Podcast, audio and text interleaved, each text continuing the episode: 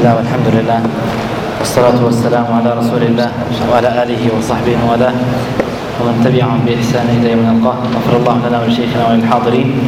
قال المؤلف رحمه الله ويثبت أصحاب الحديث نزول الرب سبحانه وتعالى كل ليلة إلى السماء الدنيا من غير تشبيه له بنزول المخلوقين ولا تمثيل ولا تكييف بل يثبتون ما أثبته رسول الله صلى الله عليه وسلم وينتهون فيه إليه ويمرون الخبر الصحيح الوارد بذكره على ظاهره ويكلون علمه إلى الله تعالى. الحمد لله رب العالمين وصلى الله وسلم وبارك على نبينا محمد وعلى آله وأصحابه ومن تبعهم بإحسان إلى يوم الدين. أما بعد وذكر هنا إثبات نزول الله عز وجل إلى السماء الدنيا بعدما ذكر الاستواء وأنه لا تنافي بين الاستواء وبين نزول الله عز وجل إلى السماء الدنيا. وأما من يجعل بين ذلك تضادا فإن حامله إلى ذلك شيء من التشبيه. إن قدح في دينه فانقلب على المعنيين. ولكن أهل الحديث يثبتون الاستواء لله عز وجل على عرشه ويثبتون نزوله سبحانه وتعالى إلى السماء الدنيا نزولا يليق بجلاله وعظيم سلطانه. فلا يشبهونه بشيء من المخلوقات ولا يكيفونه على أي صفة كانت. باعتبار أن التكييف لا يمكن أن ينقدح في دين الإنسان الا إلا على تشبيه.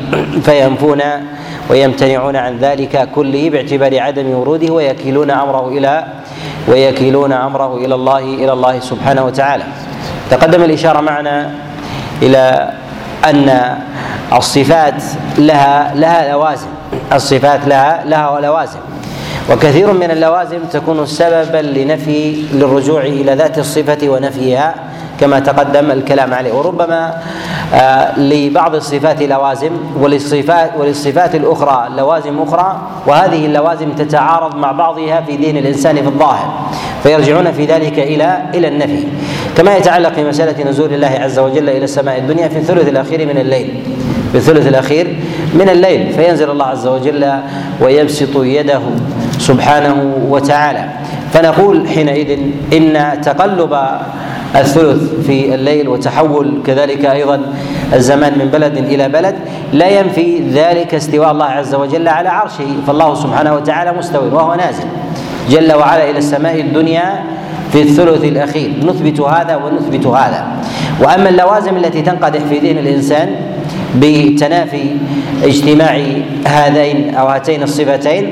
ذلك دافعه تشبيه الإنسان للخالق بالمخلوق سبحانه سبحانه وتعالى. وهذا منتفي وينتفي من ذلك تبعا اللوازم التابعة التابعة له. نعم. قال رحمه الله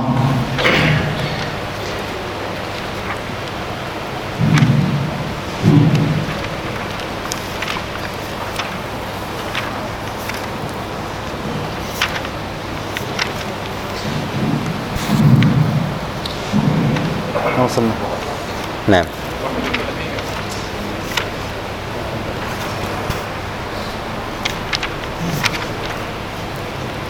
وش اللي ضيعك؟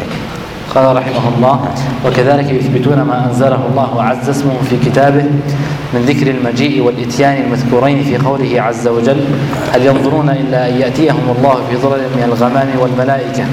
وقوله عز اسمه وجاء ربك والملك صفا صفا.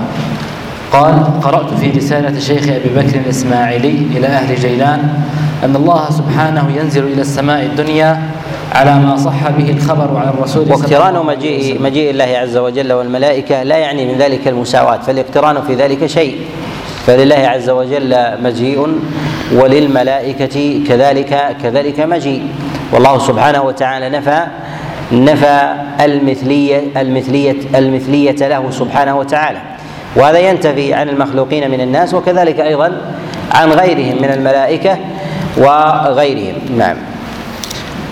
قال ونؤمن بذلك كله على ما جاء بلا كيف. فلو شاء سبحانه أن يبين لنا كيفية ذلك فعل. فانتهينا إلى ما أحكمه. وكففنا عن الذي يتشابه.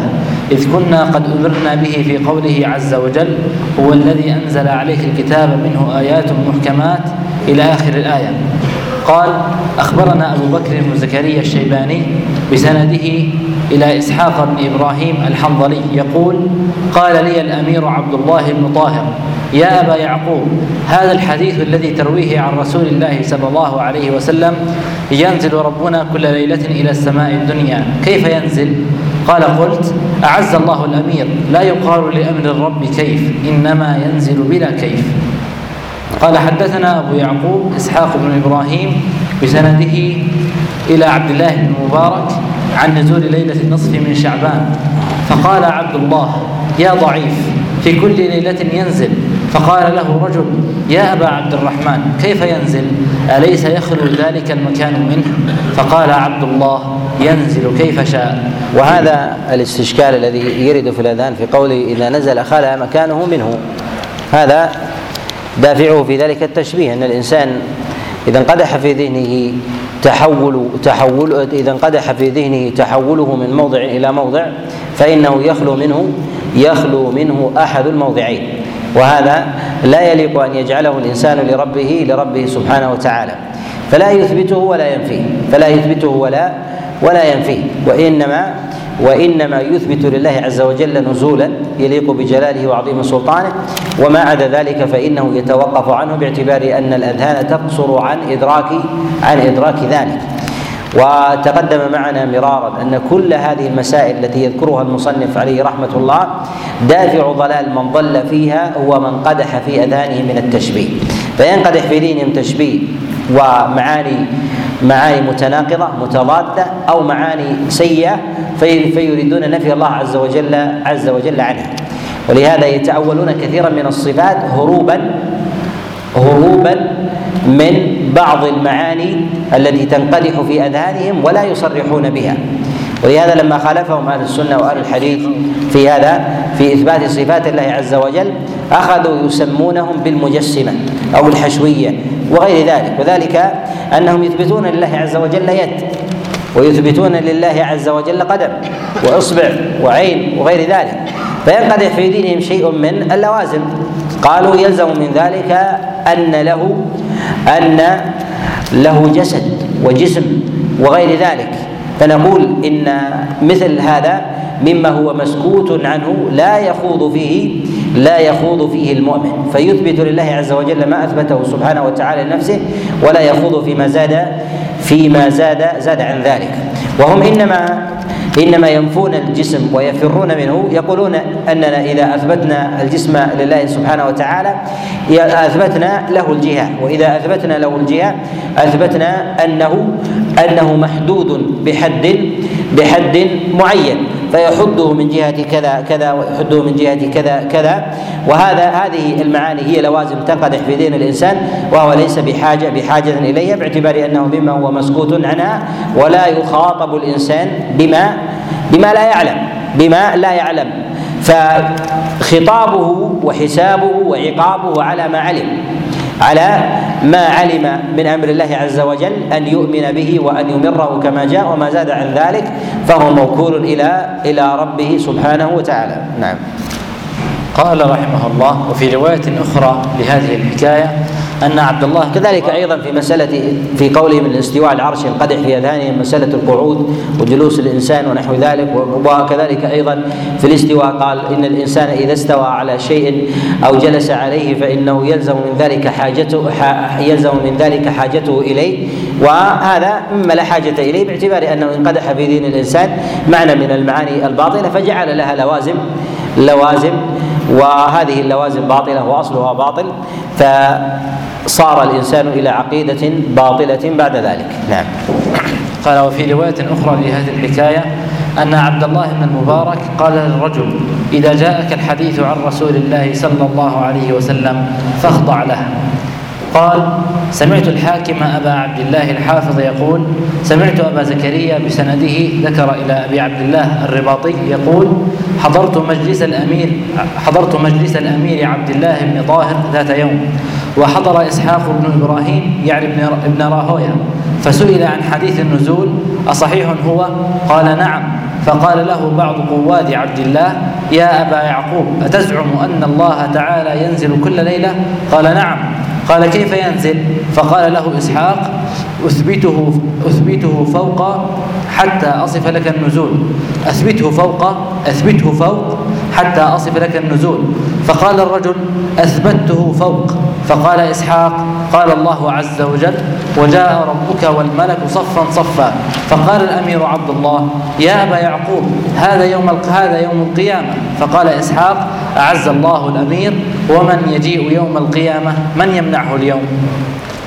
وخبر نزول الرب كل ليلة إلى السماء الدنيا خبر متفق على صحته مخرج في الصحيحين. من طريق مالك بن أنس عن الزهري عن الأغر وأبي سلمة عن أبي هريرة. أخبرنا أبو علي زاهر بن أحمد بسنده إلى مالك وأخبرنا أبو بكر بن زكريا بسنده إلى مالك وأخبرنا أبو بكر بن زكريا كذلك بسنده إلى أبي سلمة عن أبي هريرة رضي الله عنه أن رسول الله صلى الله عليه وسلم قال ينزل ربنا تبارك وتعالى في كل ليلة إلى السماء الدنيا حتى يبقى ثلث الليل الآخر فيقول من يدعوني فأستجيب له فأستجيب له ومن يسألني فأعطيه ومن يستغفرني فأغفر له. ولهذا الحديث طرق إلى أبي هريرة رواه الأوزاعي بسنده إلى أبي هريرة ورواه يزيد بن هارون بسنده إلى أبي هريرة وكذلك مالك بسنده إلى أبي هريرة وعبيد الله بن عمر بسنده إلى أبي هريرة وعبد الأعلى بسنده إلى أبي هريرة وروي هذا الخبر من غير طريق أبي هريرة فقد رواه نافع بن جبير بن مطعم عن أبيه وموسى بن عقبة بسنده إلى عبادة وعبد الرحمن إلى بسنده إلى جابر وعبيد الله بن أبي رافع عن علي بن أبي طالب وشريك بسنده إلى عبد الله بن مسعود ومحمد بن كعب بسنده إلى جابر وكذلك سعيد بن جبير عن ابن عباس وعن أم المؤمنين عائشة وأم سلمة. رضي الله وحديث نزول الله سبحانه وتعالى إلى إلى السماء الدنيا متواتر. قد جاء من طرق متعددة يؤكد بعضها بعضا ويقطع الإنسان بذلك في ثبوتها ولهذا نقول إن نزول الله عز وجل هو من الأمور القطعية المتواترة. الظاهرة في في الوحي وليس لأحد وليس لأحد إنكارها باعتبار عدم استيعاب ذهن الإنسان عدم استيعاب ذهن الإنسان لها أو للوازمها وأعظم ما يجعل الإنسان يستقر في قلبه الإيمان ويسلم بما جاء في كلام الله سبحانه وتعالى وكلام رسول الله صلى الله عليه وسلم أن يعلم ضعف عقله وإدراكه وعدم إحاطته بكثير من الأمور المشاهدة. فضلا عن الأمور الغيبية التي لا يراها لا يراها الإنسان. فإذا أراد الإنسان أن يفيض بركة أو بركة كاملة من الماء أن يضعها في كفه لما استطاع لانها لا تحويها كذلك أيضا كثير من حكم الله سبحانه وتعالى لا يستطيع الإنسان أن يضعها في عقله في عقله الصغير وإدراك علل الله سبحانه وتعالى في ذلك. كثير من المعلومات يحتاج الإنسان إلى معرفتها إلى الصبر. وهو إطالة التأمل ثم يخرج بنتيجة معينة. منها ما يصبره في دقيقة ومنه ما يصبره في ساعة ومنها ما يصبره بيوم ومنها بيومين ومنها بأسبوع وشهر ونحو ذلك. كلما أطال صبرا خرج بنتائج جديدة. منها ما ما لو صبره الإنسان بمئة سنة ما استطاع أن يخرج بنتيجة ويحتاج إلى ما هو أكثر إلى ما هو أكثر من ذلك. إذا فإمكان الإنسان وعقله وإدراكه قاصر عن الآلة الموصلة إلى معرفة الحق. الآلة الموصلة إلى معرفة الحق. فإذا كان قاصرا في آلته فهو قاصر أيضا في معرفة الحقائق والنتائج. ولهذا كثير من الأمور والمعادلات التي يريد الإنسان أن يتأملها بمعادلات حسابية ونحو ذلك ينظر الإنسان فيها يتأملها الساعة والساعتين ربما يحصل إلى نتيجة وربما حصل حصل على نتيجة خاطئة. وإن كان قد سبر باعتبار قصوره عن عن التأمل أو العجلة في ذلك. ولهذا نقول إن الحقائق ليست مواكبة لعمر الإنسان. عمر الإنسان قاصر في هذا. ولهذا الناس يجتمعون على سبر حقيقة واحدة فيوجدون نتيجة بعد أجيال بعد أجيال. ولهذا تجد في صناعات الناس وابتكاراتهم ونحو ذلك يجتمع أجيال ثم ينقرض هذا الجيل ويكمل بعده جيل آخر وهكذا ثم يخرجون بنتيجة لم يدرك أولهم آخرهم عليها كما في صناعات الناس في بيوتهم ومراكبهم ونحو ذلك. هذه جاءت بعد بعد تضافر أناس وتتابع أقوام على على إدراك أشياء محسوسة ضعيفة وهي محسوسة بين أيديهم فكيف بأمور مغيبة؟ لا يدركها لا يدركها الإنسان. ولهذا إذا عرف الإنسان ضعف عقله وعدم استيعابه للأمور للأمور الغيبية أو المشاهدة التي بين يديه فإنه يعلم ويقطع يقينا أنه أبعد من أن يستوعب ما هو ما هو من الأمور الغيبية التي لم يرى منها لم يرى منها منها شيئا. والإنسان مع ضعف إدراكه وتحليله فإنه ينسى. إذا أراد أن يسبر حقيقة ليوم أو يومين أنسى اليوم الثاني حقيقة سبره لليوم الأول. وهكذا وبحاجة إلى أن يعيد العجله مرة أخرى حتى يستذكر ما مضى حتى يكتمل تكتمل قضية السبر لديه. ولهذا نقول هو ضعيف في تركيبته وذاته. في تركيبته وذاته. وليس بقادر بالآلة الموجودة لديه عن إدراك وسبر ومعرفة حكم الله حكم الله سبحانه سبحانه وتعالى.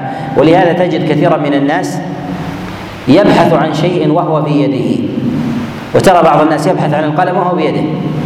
وترى بعض الناس يبحث عن نظارته وهي على وهي على أنفه. أليس هذا مشاهد؟ كيف هذا يأتي يريد أن يحاجز الله سبحانه وتعالى في أمور الغيب؟ هذا من الأمور من الأمور الصعبة الشاقة.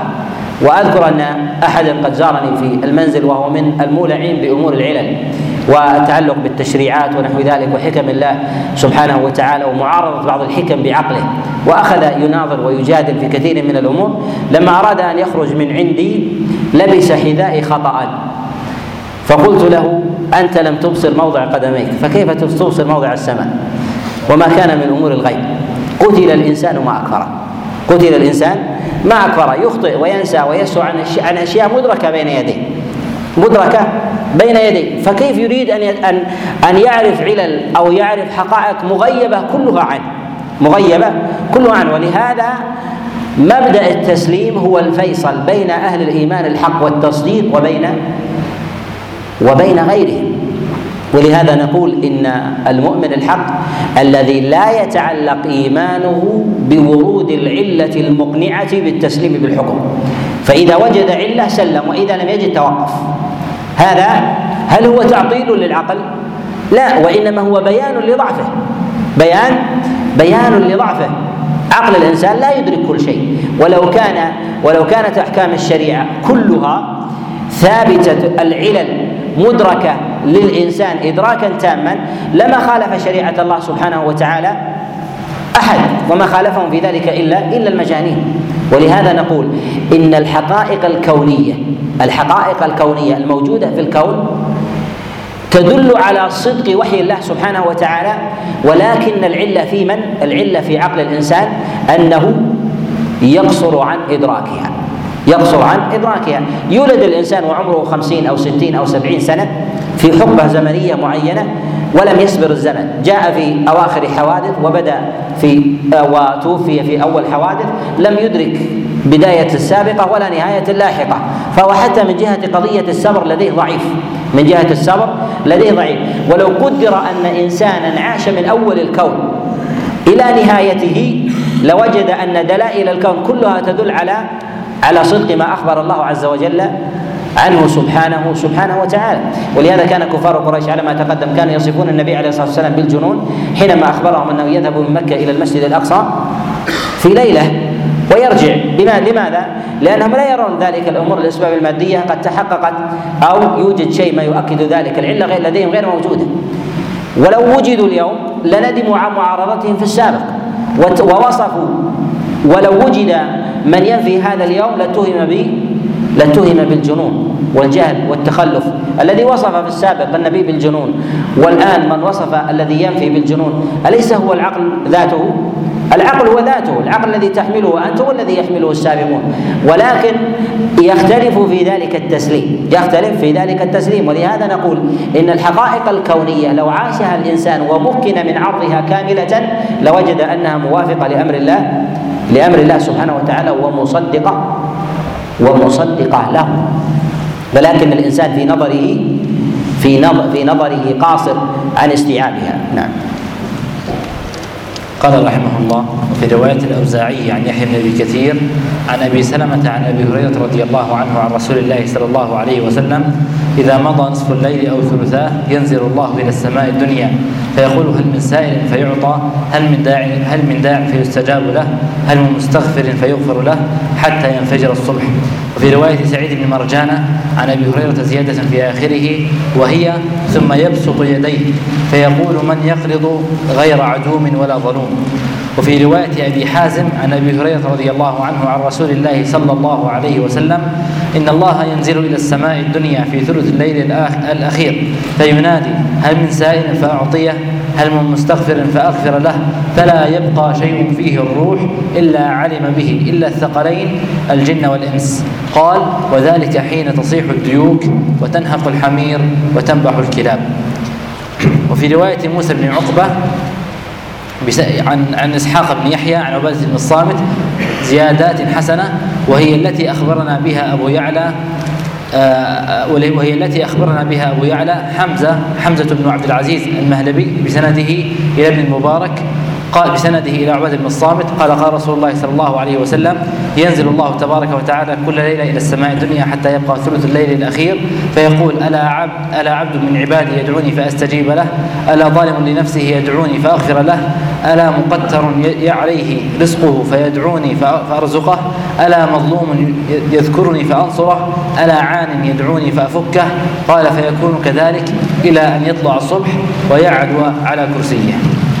نعم. وفي رواية أبي الزبير عن جابر من طريق مرزوق أبي بكر الذي خرجه محمد بن إسحاق بن خزيمة ومن طريق أيوب بسنده إلى حسن بن سفيان ومن طريق هشام بسنده إلى جابر أن رسول الله صلى الله عليه وسلم قال إن عشية عرفة ينزل الله فيه إلى السماء الدنيا فيباهي بأهل الأرض أهل السماء ويقول انظروا إلى عبادي شعثا غبر ضاحين جاءوا من كل فج عميق يرجون رحمتي ولم يروا عذابي فلم ير يوم أكثر عتقا من, النار من يوم عرفة.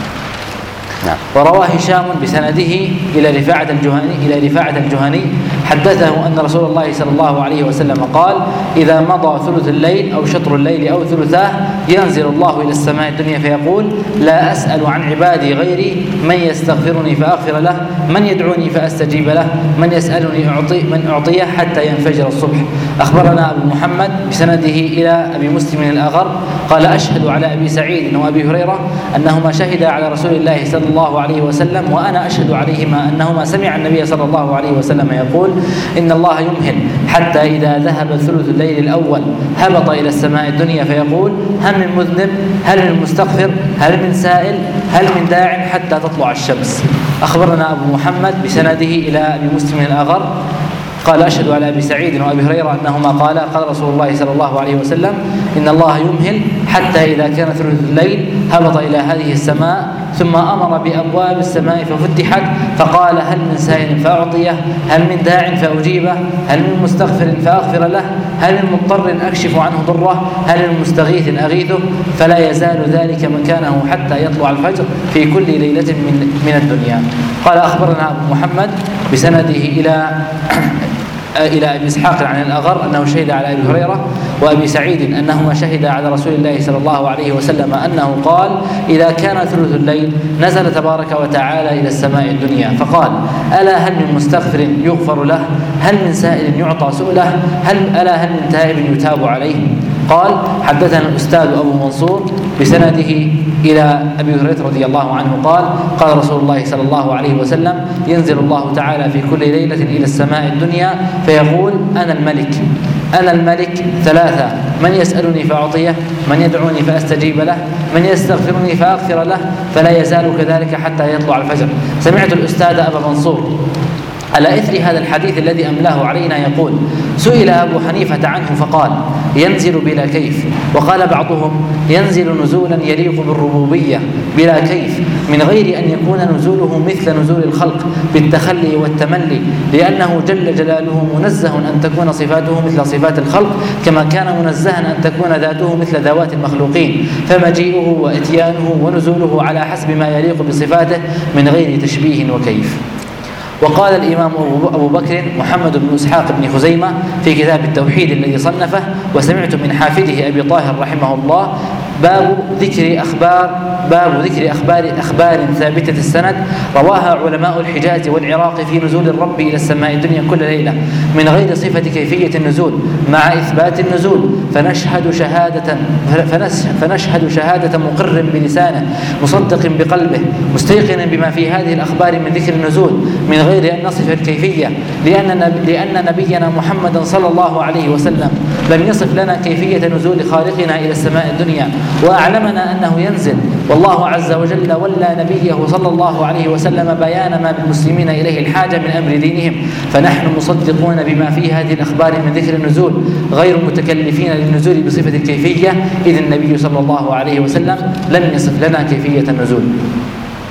أخبرنا الحاكم بسنده إلى مخرمة بن بكير عن أبيه وقال وقال أخبرنا الحاكم بسنده إلى محمد بن المنكدر يزعم أنه سمع أم سلمة زوج النبي صلى الله عليه وسلم تقول نعم اليوم يوم ينزل الله تعالى فيه إلى السماء الدنيا. قالوا وأي يوم؟ قالت يوم عرفة. وروت عائشة رضي الله عنها عن النبي صلى الله عليه وسلم ينزل الله تعالى في النصف من شعبان من شعبان إلى السماء الدنيا ليلا إلى آخر النهار من الغد. فيعتق من النار بعدد شعر بعدد شعر معز كلب. ويكتب ويكتب الحاج وتنزل أرزاق السنة ولا يترك ولا يترك ولا يترك أحدا إلا غفر له إلا مشركا أو قاطع رحم أو عاقا أو مشاحنا. أخبرنا أبو الثابت عن النبي صلى الله عليه وسلم ونزوله جل وعلا في الثلث الأخير من كل ليلة. ونزول الله سبحانه وتعالى أيضا في يوم عرفة. ويوم عرفة يكون في النهار. نزول الله جل وعلا. وأما في كل ليلة فينزل الله سبحانه وتعالى في الثلث الأخير من كل ليلة. وأما تخصيص ليلة النصف من شعبان عن النبي صلى الله عليه وسلم فلا يثبت في ذلك الخبر. جاء من حديث عائشة وجاء من حديث أبي موسى وجاء أيضا من حديث عبد الله ابن عمرو. حديث عائشة عليه رضوان الله قد أخرجه الترمذي رحمه الله في كتاب السنن من حديث الحجاج بن ارطاه والحجاج يرويه عن يحيى بن أبي كثير عن عروه عن عائشة عليه رضوان الله وهو معلول بعلل. الحجاج لم يسمعه من يحيى ويحيى لم يسمعه من عروة. وهذا لا يثبت عن رسول الله صلى الله عليه وسلم ويغني عنه أن الله عز وجل ينزل في كل ليلة سواء كانت ليلة النصف من شعبان أو غيرها في الثلث الأخير. ويغفر الله عز وجل لمن شاء من عباده. لمن؟ صدق الله سبحانه وتعالى. فإن الله عز وجل يصدقه سبحانه وتعالى. وكما تقدم الإشارة إليه نقول إن إثبات نزول الله جل وعلا إلى السماء الدنيا هذا من الأمور من الأمور المتواترة. قد جاء في ذلك الأحاديث عن النبي عليه الصلاة والسلام مما يستحيل معها التواطؤ مما يستحيل معها التواطؤ على على الكذب. وعلى ما تقدم أيضا إن نفي الناس أو بعض المبتدعة لنزول الله سبحانه وتعالى لبعض العلل خاصة ما يتعلق بالعلل الزمنية بتقلب الثلث الأخير من الليل من بلد إلى بلد قالوا يلزم من ذلك ديمومة ديمومة النزول. نقول إن الله سبحانه وتعالى نفى المثلية عن نفسه سبحانه وتعالى فلا يشابهه مخلوق فلا يشابهه مخلوق جل وعلا. وعلى هذا نقول إن تعليل الناس أو تعليل بعض المبتدعة لنفي نزول الله عز وجل بعلة الزمن نقول هذا تشبيه انقدح في ذهن الإنسان. الإنسان ربط بعجلة زمنية معينة ويرى ان أن مخلوقات الله سبحانه وتعالى تدور عليها. الله عز وجل جعل لك دورة زمنية تدورها وجعل لك بداية ونهاية وتظن أن الله عز وجل تعالى الله عز وجل عن ذلك كذلك. ولهذا النبي صلى الله عليه وسلم يقول وقد أشار عليه الصلاة والسلام إلى مثل هذه العلة أن الإنسان حينما يرى من نفسه ويرى من أبيه وجده أنه يدور في دورة زمنية ثم يبدأ ثم يموت. وهكذا هذه الدورة. والدورة الزمنية منها دورة صغيرة بمثل الثواني ثم الدقائق ثم الساعات ونحو ذلك. يظن أن مخلوقات الله عز وجل كذلك وكذلك أيضا في مسألة ابتدائها ونحو ذلك ولهذا ربما لا يتصور الإنسان حتى من كان يدور معه في هذه الدورة الزمنية أن الأمم السابقة منهم من يعيش الألف والألفين وغير ذلك. ولهذا يقول النبي صلى الله عليه وسلم إن الشيطان يأتي أحدكم فيقول من خلق كذا؟ انظروا إلى استدلال الشيطان بمسألة التشبيه لعقل الإنسان ببعض النظائر حتى يوصله إلى شيء هو خارج دائرة التشبيه. فيقول من خلق كذا؟ من خلق كذا من خلق كذا حتى يقول من خلق الله. إذا هو لا يريد الخالق الأول ولكن يريد الخالق الأخير.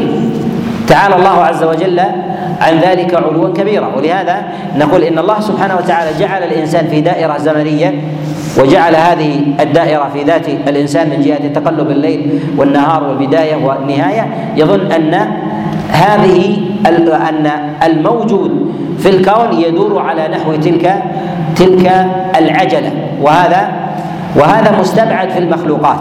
وهذا مستبعد في المخلوقات فكيف بالخالق سبحانه سبحانه وتعالى؟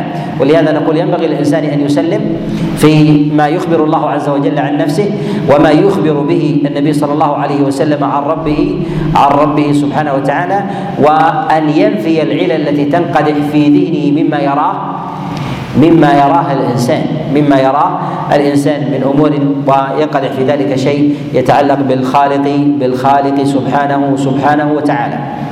نعم. قال رحمه الله أخبرنا أبو طاهر بن خزيمة بسنده إلى هشام الدستوائي تحويل. قال وأخبرنا أن الزعفراني بسنده إلى هشام الدستوائي إيش؟ إيش؟ تحويل أسانيد؟ تحويل أسانيد. حاء. بالحاء. الحاء؟ اي الحاء. طيب. قال وحدثنا الزعفراني بسنده إلى الدستوائي حاء. وحدثنا ابن ميمون بسنده إلى الأوزاعي. كلهم عن يحيى بن أبي كثير عن عطاء بن يسار. حدثني رفاعة بن عرابة الجهني حاء. قال وحدثني أبو هاشم بسنده إلى رفاعة الجهني. قال صدرنا مع رسول الله صلى الله عليه وسلم من مكة. فجعلوا يستأذنون النبي صلى الله عليه وسلم فجعل يأذن لهم. فقال النبي صلى الله عليه وسلم ما بال شق الشجرة الذي يلي رسول الله صلى الله عليه وسلم أبغض إليكم من الآخر فلا ترى من القوم إلا باكيا. قال يقول أبو بكر الصديق إن الذي يستأذنك بعدها لسفيه. فقام النبي صلى الله عليه وسلم فحمد الله وأثنى عليه. وكان إذا حلف قال والذي نفسي بيده أشهد عند الله. ما منكم من أحد يؤمن بالله واليوم الآخر ثم يسدد إلا سلك به في الجنة. ولقد وعدني ربي أن يدخل, أن يدخل من أمة الجنة سبعين ألفا بغير حساب ولا عذاب. وإني لأرجو أن لا تدخلوها حتى تتبوأوا. ومن صلح من أزواجكم وذرياتكم مساكنكم في الجنة. ثم قال صلى الله عليه وسلم إذا مضى شطر الليل أو قال ثلثاه ينزل الله إلى السماء الدنيا ثم يقول لا أسأل عن عبادي غيري من ذا الذي يسأل يسألني فأعطيه من ذا الذي يدعوني فأجيبه من ذا الذي يستغفرني فأغفر له حتى ينفجر الصبح. هذا لفظ حديث الوليد قال شيخ الإسلام جاء في الخبر القدسي أن الله عز وجل يقول أعددت لعبادي الصالحين ما لا عين رأت ولا أذن سمعت ولا خطر على قلب بشر. وما في الجنة مخلوقات من مخلوقات الله سبحانه وتعالى يعني لم يرها. وهذه المخلوقات لم يروا ولهذا يقول عبد الله بن عباس ليس في الجنة مما في الدنيا إلا الأسماء إلا الأسماء. فعنب وزعفران وطلح وغير ذلك مما أخبر الله عز وجل عنه في الجنة. هي أسماء تتشابه حتى الماء والعسل والخمر واللبن وغير ذلك مما أخبر الله عز وجل عنه. يشابه ما في الدنيا بالأسماء. فلم تراه عين ولم تسمع به وما خطر أيضا على قلب بشر. يعني كل ما يخطر في بال الإنسان أنه على هذه الصفة فهو على غيرها. هذا في المخلوق. هذا في مخلوق خلقه الله عز وجل. فكيف بالخالق سبحانه سبحانه وتعالى؟ ولهذا نقول إذا كان الله عز وجل قد جعل مخلوقا في الآخرة أو أوجد مخلوقا جل وعلا لم يره الإنسان وليس له مثيل عنده فالخالق سبحانه وتعالى ينبغي أو يجب أن يقر أنه أولى وهذا ظاهر في قول الله عز وجل على ما تقدم ليس كمثله شيء وهو السميع وهو السميع البصير نعم. قال رحمه الله قال شيخ الإسلام وهو المؤلف قلت فلما صح خبر النزول عن رسول الله صلى الله عليه وسلم أقر به أهل السنة وقبلوا الخبر وأثبتوا النزول على ما قاله رسول الله صلى الله عليه وسلم ولم يعتقدوا تشبيها له بنزول خلقه ولم يبحثوا عن كيفيته إذ لا سبيل إليها بحال وعلموا وتحققوا واعتقدوا أن صفات الله سبحانه لا تشبه صفات الخلق كما أن ذاته لا تشبه ذوات الخلق تعالى الله عما يقول المشبهة والمعطلة علوا كبيرا ولعنهم لعنا كبيرا. وقرأت لأبي عبد الله بن أبي حفص البخاري وكان شيخ بخارى في عصره بلا مدافعة. وأبو حفص ذلك أنه كل أحد شبه الخالق بالمخلوق لا بد أن يلتزم بلوازم ذلك التشبيه. لا بد أن يلتزم بلوازم ذلك التشبيه. فإذا شبه للخالق سبحانه وتعالى باليد أو القدم أو نحو ذلك أنه يلتزم بهذه بلوازم ذلك. كذلك أيضا من شبه الخالق بالمخلوق من جهة العين لا بد أن يلتزم باللوازم في هذا في هذا الباب. وأهل السنة في ذلك يتوسطون. نعم. قال وابو حفص هذا كان من كبار أصحاب محمد بن الحسن الشيباني. قال أبو عبد الله اعني ابن أبي ابن ابن أبي حفص هذا عبد الله بن عثمان وهو عبدان. شيخ مر يقول سمعت محمد بن الحسن الشيباني يقول قال حماد بن أبي حنيفة قلنا لهؤلاء قال قال حماد بن أبي حنيفة قلنا لهؤلاء أرأيتم قول الله قول الله عز وجل؟ وجاء ربك والملك صفا صفا. وقوله عز وجل هل ينظرون إلا أن يأتيهم الله في ظلل من الغمام والملائكة؟ فهل يجيء ربنا كما قال؟ وهل يجيء الملك صفا صفا؟ قالوا أما الملائكة فيجيئون صفا صفا. أما الرب فإنا لا ندري ما عنا بذلك ولا ندري كيف جيئته. فقلنا لهم إنا لم نكلفكم أن أن تعلموا كيف جيئته ولكننا نكلفكم أن تؤمنوا بمجيئه. أرأيتم من أنكر أن أن الملك لا يجيء أن الملك أن أن الملك لا يجيء صفا صفا؟ أن الملك. أن الملك لا يجيء صفا صفا. ما هو عندكم؟ قالوا كافر مكذب. قلنا فكذلك من أنكر أن الله سبحانه لا يجيء فهو كافر مكذب. قال أبو عبد الله ابن أبي حفص البخاري أيضا في كتابه ذكر آه، إبراهيم بن الاشعث قال سمعت الفضيل بن عياض يقول إذا قال لك الجهمي أنا لا أؤمن برب يزول عن مكانه فقل أنت أنا أؤمن برب يفعل ما يشاء. وهذا لا يتضمن لا يتضمن إثبات التحول والزوال. التحول والزوال. ولكنه يؤمن بخالق يفعل ما يريد. يؤمن بخالق يفعل يفعل ما يريد. وذلك ليس فيه إقرار بذلك اللازم. أن الإنسان آه، إذا نظر إلى صفة من صفات الله عز وجل بنزوله كنزوله سبحانه وتعالى إلى السماء الدنيا وما يخطر في باله من تحول أو زوال من موضعه الذي الذي هو عليه لا يلتزم بهذا اللازم ولكنه يؤمن بأن الله عز وجل إذا أراد أن يفعل شيئا فعل. فهو يؤمن بكمال بكمال الاختيار له سبحانه وتعالى. وهذا لا يوافق فيه الإنسان الابتداع بجريانهم على لوازمهم ويجري الإنسان على عقيدته الحقة من غير من غير أن يحيد عنها. لا من جهة التشبيه ولا من جهه ولا من جهة التعطيل. نعم. قال قال وروى يزيد بن هارون بسنده عن جرير بن عبد الله في الرؤيا وقول رسول الله صلى الله عليه وسلم وقول رسول الله صلى الله عليه وسلم إنكم تنظرون إلى ربكم كما تنظرون إلى القمر ليلة البدر. فقال له رجل في مجلسه يا أبا خالد ما معنى هذا الحديث؟ فغضب وحرج وقال ما أشبهك بصبيغ وأحوجك إلى مثل ما فعل به ويلك ومن يدري كيف هذا؟ ومن يجوز له أن يجاوز هذا القول الذي جاء به الحديث؟ أو يتكلم فيه بشيء من تلقاء نفسه إلا من سفه نفسه. وذلك أن النبي صلى الله عليه وسلم إنما شبه الرؤية بالرؤية وما شبه المرء بالمرء. فالنبي صلى الله عليه وسلم قال إنكم ترون ربكم كما ترون القمر ليلة البدر لا تضامون في رؤيته. يعني لا تجدون مشقة بالمزاحمة ولا بالكلفة ونحو ذلك. فهو ما شبه القمر بالله سبحانه وتعالى وإنما شبه صفة رؤية الإنسان بذاته. وهذه رؤية للبشر وهي رؤية رؤية للبشر. وحينما يسأل الإنسان عن صفة المرء وموضعه نقول إن هذا هو قدر زائد عن ذلك فيجب على الإنسان أن يتوقف أن يتوقف في هذا. نعم. قال إذا سمعتم الحديث عن رسول الله صلى الله عليه وسلم فاتبعوه ولا تبتدعوا فيه فإنكم إن اتبعتموه ولم ولم تماروا فيه سلمتم وإن لم تفعلوا هلكتم. وقصة صبيغ الذي قال يزيد بن هارون للسائل ما أشبهك بصبيغ وأحوجك إلى مثل ما فعل به؟ هي ما رواه يحيى بسنده إلى عمر إلى عن سعيد بن المسيب أن صبيغا التميمي أتى أمير المؤمنين عمر بن الخطاب رضي الله عنه فقال: يا أمير المؤمنين أخبرني عن قوله والذاريات ذروة. قال هي الرياح. ولولا أني سمعت رسول الله صلى الله عليه وسلم يقوله ما قلته قال فأخبرني عن عن فالحاملات وقرا. قال هي السحاب. ولولا أني سمعت رسول الله صلى الله عليه وسلم يقوله ما قلته. قال فأخبرني عن فالمقسمات أمرا. قال الملائكة ولولا أني سمعت رسول الله صلى الله عليه وسلم يقوله ما قلته.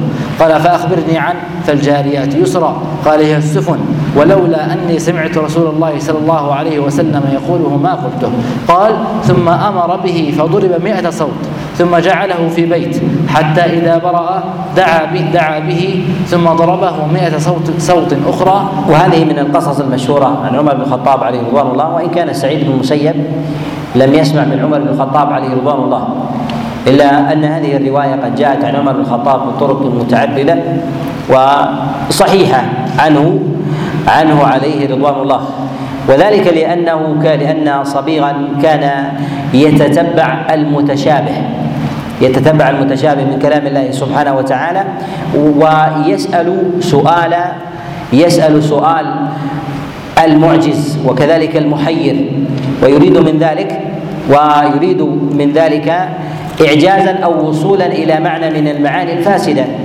وهذا مما تقدم أنه ينطبق عليه قول الله جل وعلا فأما الذين في قلوبهم زيغ فيتبعون ما تشابه ما تشابه منه. وهذا هي وهذه هي طريقة أهل النفاق والفتنة. نعم. قال قال ثم ضربه مئة صوت أخرى ثم حمله على قتب وكتب إلى أبي موسى الأشعري أن حرم عليه مجالسة الناس فلم يزل كذلك حتى أتى أبا موسى الأشعري فحلف فحلف بالأيمان المغلظة ما يجد في نفسه مما كان يجده شيئا. فكتب إلى عمر يخبره فكتب فكتب إليه ما إخاله إلا قد صدق. خل بينه وبين مجالسة الناس. وروى حماد بن زيد بسنده إلى خالد بن زرعة يحدث عن أبيه قال رأيت صبيغ بن عسل بالبصرة كأنه بعير أجرب يجيء إلى الحلق فكلما جلس إلى وفي هذا إشارة إلى أنه ينبغي على من ولي أمرا من أمور المسلمين أن يعزل مثير مثير الشك والريبة في الدين وأن يبعده عن تصدير شبهاته ورأيه للناس حماية لعقيدته لعقيدة الناس. فإن الناس يحمون دينهم يحمون دنياهم ويحرصون على ذلك ولا يريدون من يشوش عليهم بأمنهم واستقرارهم ومعيشتهم وغير ذلك. فإذا وجد من يثير الإشاعات والأكاذيب أو الشبهات والأراجيف في الدنيا منعوه. فإن حماية الدين من باب من باب أولى. نعم. قال فكلما جلس إلى قوم لا يعرفونه ناداهم أهل الحلقة الأخرى. ولكننا في في هذا الزمن المتأخر يبحث عن ألف صبي حتى يلبس على الناس على الناس الدين. نعم. نعم. قال ناداهم أهل الحلقة الأخرى عزمة أمير المؤمنين وروى حماد بن زيد عن سليمان بن يسار عن يزيد عن يزيد بن حازم عن سليمان بن يسار أن رجلا من بني تميم يقال له صبيغ قدم المدينة فكانت عنده كتب فجعل يسأل عن متشابه القرآن فبلغ ذلك عمر فبعث إليه وقد أعد له عراجين النخل فلما دخل عليه جلس فقال من أنت؟ قال أنا عبد الله صبيغ قال وأنا عبد الله عمر. ثم أهوى إليه فجعل يضربه بتلك العراجين فما زال يضربه حتى شجه. فجعل فجعل الدم يسيل على وجهه. فقال حسبك يا أمير المؤمنين فقد والله ذهب الذي كنت أجد في رأسي. نعم. أخبرنا أبو عبد الله أبو عبد الرحمن بسنده إلى مالك بن أنس يقول إياكم والبدع. قيل يا أبا عبد الله وما البدع؟ قال أهل البدع الذين يتكلمون في أسماء الله وصفاته وكلامه وعلمه وقدرته لا يسكتون كما سكت عنه الصحابة والتابعون. أخبرنا أبو الحسين بسنده إلى الشافعي يقول لأن يلقى الله لأن يلقى الله العبد لأن يلقى الله العبد بكل ذنب ما خلا الشرك أحب إلي من من من أن يلقاه بشيء من من الأهواء. أخبرنا أبو طاهر بسنده إلى جعفر بن برقان. قال سأل رجل عمر بن والأهواء لا ينتهي منها الإنسان بخلاف الصراط المستقيم فهو طريق واحد يسلكه الإنسان موصلا له إلى ربه سبحانه وتعالى. ولهذا نقول إن الصراط المستقيم لا يستطيع الإنسان أن يوجده إلا واحد. كحال المسائل الهندسية لا يستطيع الإنسان أن يوجد شيء مستقيم إلا إلا على صفة واحدة أما المعوجة فيستطيع. هذا ملتوي التواء واحد وهذا التواءين وهذا ثلاث وهذا مثلث وهذا وهذا غيره ونحو ذلك. فهذه طرق متعددة من جهة انحرافها. ولهذا النبي صلى الله عليه وسلم يقول كما جاء في حديث عبد الله بن مسعود لما خط خطأ وخط عن يمينه وشماله خطوطا قال هذا صراط مستقيم وهذه سبل على كل سبيل منها شيطان يدعو يدعو إليها. ثم تلا قول الله عز وجل وأن هذا صراطي مستقيما فاتبعوا ولا تتبعوا السبل فتفرق بكم عن سبيله. قد روى ابن جرير الطبري في كتابه التفسير عن مجاهد بن جبر أنه قال في قوله جل وعلا ولا تتبعوا السبل قال هي البدع والشبهات. هي البدع والشبهات التي تطرأ على في ذهن الإنسان فيقوم بتنميتها حتى تصبح حتى تصبح مذاهب متبوعة. نعم. قال سأل رجل عمر بن عبد العزيز عن شيء من الأهواء فقال ألزم دين الصبي في الكتاب والأعرابي والها عما سوى ذلك. قال أخبرنا أبو عبد الله الحافظ وذلك أن دين الله سبحانه وتعالى الذي أنزله الله عز وجل في كتابه وكذلك سنة النبي عليه الصلاة والسلام. إنما أنزلت ميسرة يفهمها الإنسان بداهة. ولم تنزل هذه الآيات وتنزل سنة النبي عليه الصلاة والسلام عليه ليبلغها للناس حتى يتقعر الناس فيها فيطيل التأمل في ذلك حتى يخرجوا بشيء من العلل والاستنباطات والأحكام الشرعية التي يتكلف بها العامة ثم لا تظهر إلا للواحد والاثنين. نقول إن دين الله عز وجل يفهمه الإنسان بداهة. يفهمه الإنسان بداهة إذا كان سليم اللغة. إذا كان سليم اللغة فإنه يفهم مراد الله سبحانه وتعالى ومراد رسول الله صلى الله عليه وسلم. ولهذا نقول إنه لا يوجد شيء في دين الله عز وجل تحتاج إليه الأمة في عامتها يكون سرا من أسرار الشريعة. لا يكون سر من أسرار الشريعة. لا يحتاج لا يستطيع أن يبرزه الإنسان إلا مع طول مع طول تامل نقول إن دين الله عز وجل ظاهر يفهمه الإنسان. أما إدامة النظر والتدقيق في ذلك والبحث عن علل عن علل دقيقة والاعتماد على قرائن لبحث مسائل مسائل بقرائن متعددة ليخرج الإنسان بحكم لصالح الأمة كلها. نقول هذا هذا لا شك أنه من الضلال وهو من الفتنة أيضا في دين الإنسان. صلاح الأمة هو في الأدلة الظاهرة. التي يفهمها الناس إذا أرادوا أن يفهموا. في الأدلة البينة الظاهرة في الاستقامة على أمر الله سبحانه وتعالى. أما الأمور الدقائق وغير ذلك فهذه مما تزيد إيمان الأفراد وتنمي وتزكي النفوس ونحو ذلك. يستفيد منها الأعيان لا تستفيد منها جميع جميع الأمة. ولهذا المتكلمون أبحروا في البحث وغاصوا في البحث عن ما يسمى بالأسرار. أسرار الألفاظ. ونحو ذلك نقول إن شريعة الله عز وجل جاءت للناس كافة. لا تحتاج إلى من يغوص فيها. ويستخرج مسائل دقيقة ثم ينقض بها الاصول العامة الثابتة والمستقرة والمستفيضة في كلام الله وكلام رسول الله صلى الله عليه وسلم. ولهذا ما من أحد من المتكلمين والفلاسفة أوغل في كلام الله وكلام رسول الله صلى الله عليه وسلم بمثل هذه الدقائق إلا وزاد حيرة على حيرته التي التي هو فيها. نعم. قال أخبرنا أبو عبد الله الحافظ بسنده إلى سفيان بن عيينة يقول كل ما وصف الله به نفسه في كتابه فتفسيره تلاوته والسكوت عنه. أخبرنا أبو الحسين بسنده لأن الله سبحانه وتعالى ما خاطب عباده بحكم من الأحكام ثم أمرهم أن يقلبوا فيه يمنة ويسرى ليستخرجوا شيئا بخلاف ظاهره لأن هذا يقتضي يقتضي عدم إرادة الظاهر. وفي هذا نوع تلبيس يجل عنه الوحي. ولهذا نقول إنه ينبغي للإنسان أن يأخذ بالظاهر. فالناس في حال استقامة أمرهم في ملوكهم ووجهائهم إذا أرادوا أن يأمروهم بأمر أمروهم بأمر ظاهر. لا يحتاج إلى إنسان يبحث عن أسرار هذه الألفاظ والمراسيم التي التي يصدرها الملوك والحكام والبحث عن دقائقها وبواطنها ونحو ذلك. لماذا؟ لأن هذا الأمر لا يتعلق به وإنما يتعلق بأمر العامة. الذي إذا قرأوه بعبارة فهموا مراده. هذا في أمر في أمر ضبط الدنيا فكيف بضبط أمر الدين؟ فنقول إن كلام الله عز وجل له أمر ظاهر يأخذ به الإنسان.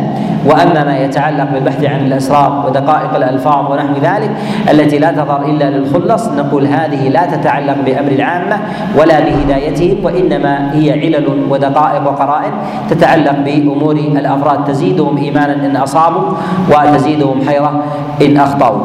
نعم. قال أخبرنا أبو الحسين بسنده إلى مالك بن أنس عن هذه الأحاديث في الصفات والرؤيا. فقالوا أمروها كما جاءت بلا كيف. قال الإمام الزهري رحمه الله قال الإمام الزهري إمام الأئمة في عصره وعين علماء الأمة في وقته على الله البيان وعلى الرسول البلاغ وعلينا التسليم. وعن بعض السلف قدم الإسلام لا يثبت إلا على قنطرة التسليم. أخبرنا أبو طاهر بن خزيمة بسنده إلى كثير بن عبد الله المزني عن أبيه عن جده. قال قال رسول الله صلى الله عليه وسلم إن هذا الدين بدأ غريبا وسيعود غريبا كما بدأ فطوبى للغرباء. قيل يا رسول الله ومن الغرباء؟ قال الذين يحيي يحيي يحيون سنتي من بعدي ويعلمونها عباد الله. أخبرنا أبو عبد الله الحاكم والمراد بالغربة في قول النبي عليه الصلاة والسلام بدأ الإسلام غريبا وسيعود غريبا. المراد بالغربة هي ليست غربة الحق وإنما غربة الحامل باعتبار أن الحق محفوظ وأن دين الله عز وجل كامل وكتابه سبحانه وتعالى باقي. كما أنزله الله عز وجل على نبيه عليه الصلاة والسلام يبقى على هذا الكمال والتمام إلى إلى قيام إلى قيام الساعة. من الله عز وجل بدأ وإليه يعود. وقول الله وقول النبي عليه الصلاة والسلام بدا الإسلام غريبا وسيعود غريبا كما بدا. يعني من جهة الحملة. حملت تلك الرسالة يعيشون غربة في أمر في أمر البلاغ. ولهذا قال بعد ذلك قال فطوبى للغرباء. يعني هم الغرباء أما ذات الدين فهو فهو باقي. وإنما يحتاج إلى حملة يبينونه ويبلغونه للناس ويظهرون أمر الله أمر الله سبحانه وتعالى. نعم. قال أخبرنا أبو عبد الله الحافظ بسنده إلى أبي عبيد ابي أبي عبيد القاسم بن سلام يقول عبيد. عبيد؟ قال أبي عبيد القاسم بن سلام يقول المتبع للسنة كالقابض على الجمر وهو اليوم عندي أفضل من ضرب السيف في سبيل الله. وروي عن الأعمش عن أبي الضحى عن مسروق قال دخلنا على عبد الله بن مسعود فقال يا أيها الناس من علم شيئا فليقل به ومن لم يعلم فليقل الله أعلم. فإن من العلم أن يقول لما لا يعلم الله أعلم. قال الله عز وجل لنبيه صلى الله عليه وسلم قل ما أسألكم عليه من أجر وما أنا من المتكلفين. أخبرنا أبو عبد الله الحافظ بسنده إلى محمد بن كعب. قال دخلت على عمر بن عبد العزيز فجعلت أنظر إليه نظرا شديدا فقال إنك لتنظر إلي نظرا ما كنت ما كنت تنظره إلي وأنا بالمدينة. فقلت لتعجبي. فقال ومما تتعجب؟ قال قلت لما حال من لونك ونحل من جسمك ونفى من شعرك قال كيف ولو رأيتني بعد ثلاثة في قبري وقد سالت حدقاتي وقد سالت حدقاتي على وجنتي وسال من خراي في فمي صديدا كنت لي أشد نكرة. حدثني حدثني حديثا كنت حدثتنيه عن عبد الله بن عباس ابن عباس قال قلت حدثني عبد الله بن عبد بن عباس رضي الله عنهما يرفع الحديث إلى رسول الله صلى الله عليه وسلم قال إن لكل شيء شرفا وأشرف المجالس استقبل به القبلة لا تصلوا خلف نائم ولا محدث واقتلوا الحية والعقرب وإن كنتم في صلاتكم ولا تستروا الجدر بالثياب ومن نظر في كتاب أخيه بغير إذنه بغير إذنه فإنما ينظر في النار. ألا أنبئكم بشرار بشراركم؟ قالوا بلى يا رسول الله. قال الذي يجلد عبده. الإسناد؟ الإسناد؟ محمد بن كعب. قراضي عن ابن عباس احكي تخريج؟ ها؟ حديث عند أبي داود من حديث محمد بن كعب عن عبد الله بن عباس. محمد بن كعب لم يسمع لم يسمع من عبد الله بن عباس شيئا. لم يسمع من عبد الله بن عباس وهو وهو منقطع. وفي هذا أنه ينبغي للإنسان أن لا يصدر أهل البدع وأن لا يكون تابعا لهم. ولا في إمامة الصلاة حتى لا يقتدي الناس بهم ولا يكثر سوادهم. فإنه حتى وإن لم يقتدي بقولهم وفعلهم إن أحاط أحاط بهم وكثر سوادهم اغتر الناس به فتأسوا به وربما تأثروا بقوله وفعله ولو لم يتكلم أو ظهر منه شيء من الأقوال فأحسنوا الظن الظن به. لهذا نقول كان من هدي الأئمة عليهم رحمة الله هو عدم تصدير المبتدعة وعدم الأخذ عنهم ولا مخالطتهم كذلك ولا تزكيتهم قدر الوسع والإمكان. وليس هذا طعنا في الأمانة التي تكون في الإنسان من جهة الصدق ونحو ذلك ولكن هو حماية للديانة. حماية للديانة التي أمرنا الله عز وجل بحياطتها حتى لا يتسلل شيء منه إلى الناس. فيتاثرون يتأثرون به. ولهذا كان بعض العلماء يحذر من الإتيان إلى المبتدعه والأخذ عنهم وهم يأخذون عنهم. وهم يأخذون عنهم. لماذا؟ يأخذون عنهم على سبيل الانفراد مما لا يغتر بهم العامة. من من بعض مسائل الدين أو ربما أخذوا عنهم فنا يعتنون به كعلوم الآلة وعلوم اللغة ونحو ذلك ولكن لا يظهرون ذلك حتى لا يحسن الناس ظنا بهم فيتأثرون بأقوالهم بأقوالهم وأفعالهم فتنتشر البدعة من حيث لا يشعرون وحينئذ يهدم يهدم الدين ويذلم. نعم. كمل الحديث يا شيخ. اي كمل. حديث. قال أفلا أنبئكم بشر من ذلك الذي يبغض الناس الذي يبغض الناس ويبغضونه؟ أفلا أنبئكم بشر من ذلك الذي لا يقيل عثره ولا يقبل معذره ولا يغفر ذنبا أولا أنبئكم بشر من ذلك الذي لا يرجى خيره ولا يؤمن شره. من أحب أن يكون أقوى الناس فليتوكل على الله. ومن أحب أن يكون أغنى الناس فليكن بما في يد الله اوثق مما بما في يد غيره. ومن أحب أن يكون أكرم الناس فليتق الله. إن عيسى عليه السلام قام في قومه فقال يا بني إسرائيل لا تكلموا بالحكمة عند الجهال فتظلموها ولا تمنعوها أهلها فتظلموهم ولا تظلموا ولا تكافئوا لأن العامة يتجرؤون على الحكمة وربما أنكروها أو ربما سفهوا أحلام الحكيم أو طعنوا في شيء من المعاني الصحيحة. فينبغي للإنسان أن لا يلقي الحكمة إلا إلا على حكيم. فإنه حينئذ يكون ربانيا. نعم. قال ولا تظلموا ولا تكافئوا ظالما فيبطل فضلكم عند ربكم. الأمر ثلاثة أمر بين رشده فاتبعوه وأمر بين غيوه فاجتنبوه وأمر اختلف فيه فكلوه إلى الله عز وجل. قال ويؤمن أهل الدين والسنة بالبعث بعد الموت يوم القيامة وبكل ما أخبر الله سبحانه. نقف نقف. نكتفي نقف.